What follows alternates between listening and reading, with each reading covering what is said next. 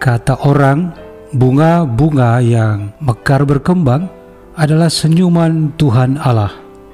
Bayangkan kalau kita melintasi jalan menuju lembah yang penuh dengan tanaman, yang melalui kawasan pegunungan. Hati kita spontan berseri-seri.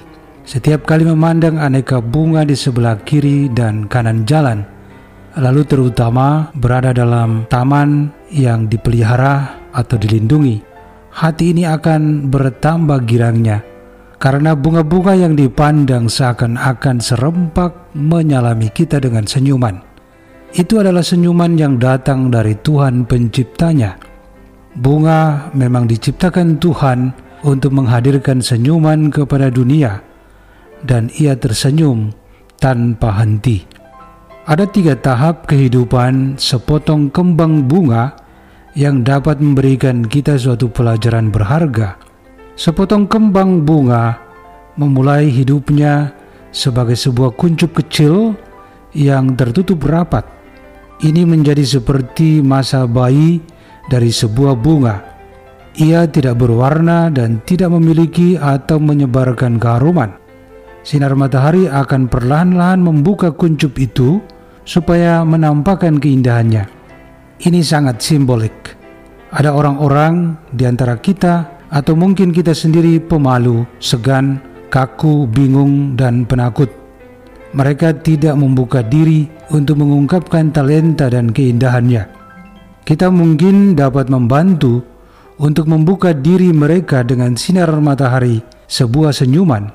Sinar matahari yang merupakan perhatian yang ditunjukkan kepada mereka, sehingga mereka dapat terbuka perlahan-lahan dan dapat mekar menjadi orang-orang yang membanggakan.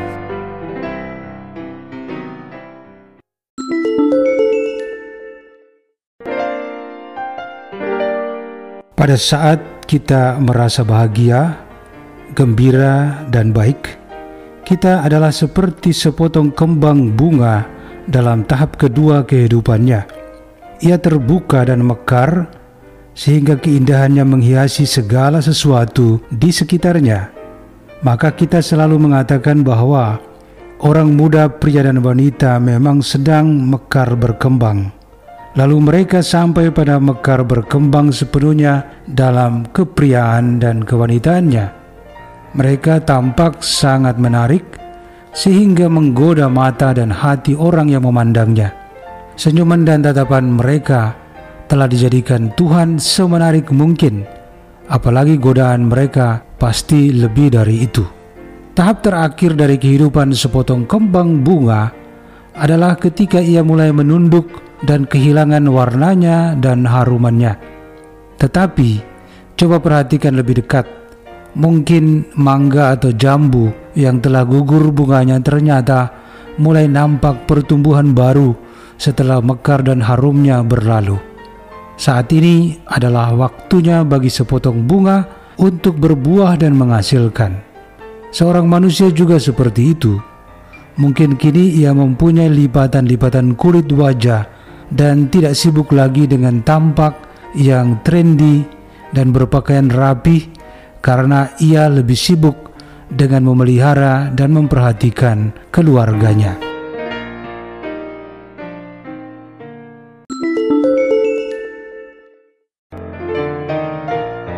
Kita manusia adalah seperti bunga. Tujuan sepotong kembang bunga dalam hidupnya ialah untuk menghasilkan sesuatu. Ketika kita memotong bunga-bunga lalu menempatkannya ke dalam pot untuk ditaruh di altar, di ruang makan atau di ruang tamu, bunga-bunga itu mempersembahkan keindahan mereka kepada Allah dan kepada sesama seorang pria dan wanita mempersembahkan keindahan diri mereka kepada Allah, ikatan perkawinan, anak-anak, dan hasil karya mereka. Namun, perlu diakui juga bahwa dengan terpotongnya bunga-bunga itu untuk ditaruh di altar atau di tempat-tempat yang sudah ditentukan, pasti mereka tidak berbuah. Mereka telah mengorbankan penghasilan atau potensi berbuahnya demi kemuliaan Allah. Orang yang selibat melakukan seperti ini demi kemuliaan Allah karena ia mengorbankan produktivitasnya. Orang-orang yang kawin mengorbankan diri mereka sendiri demi kebaikan sesamanya atau pasangannya dan demi kebaikan orang banyak.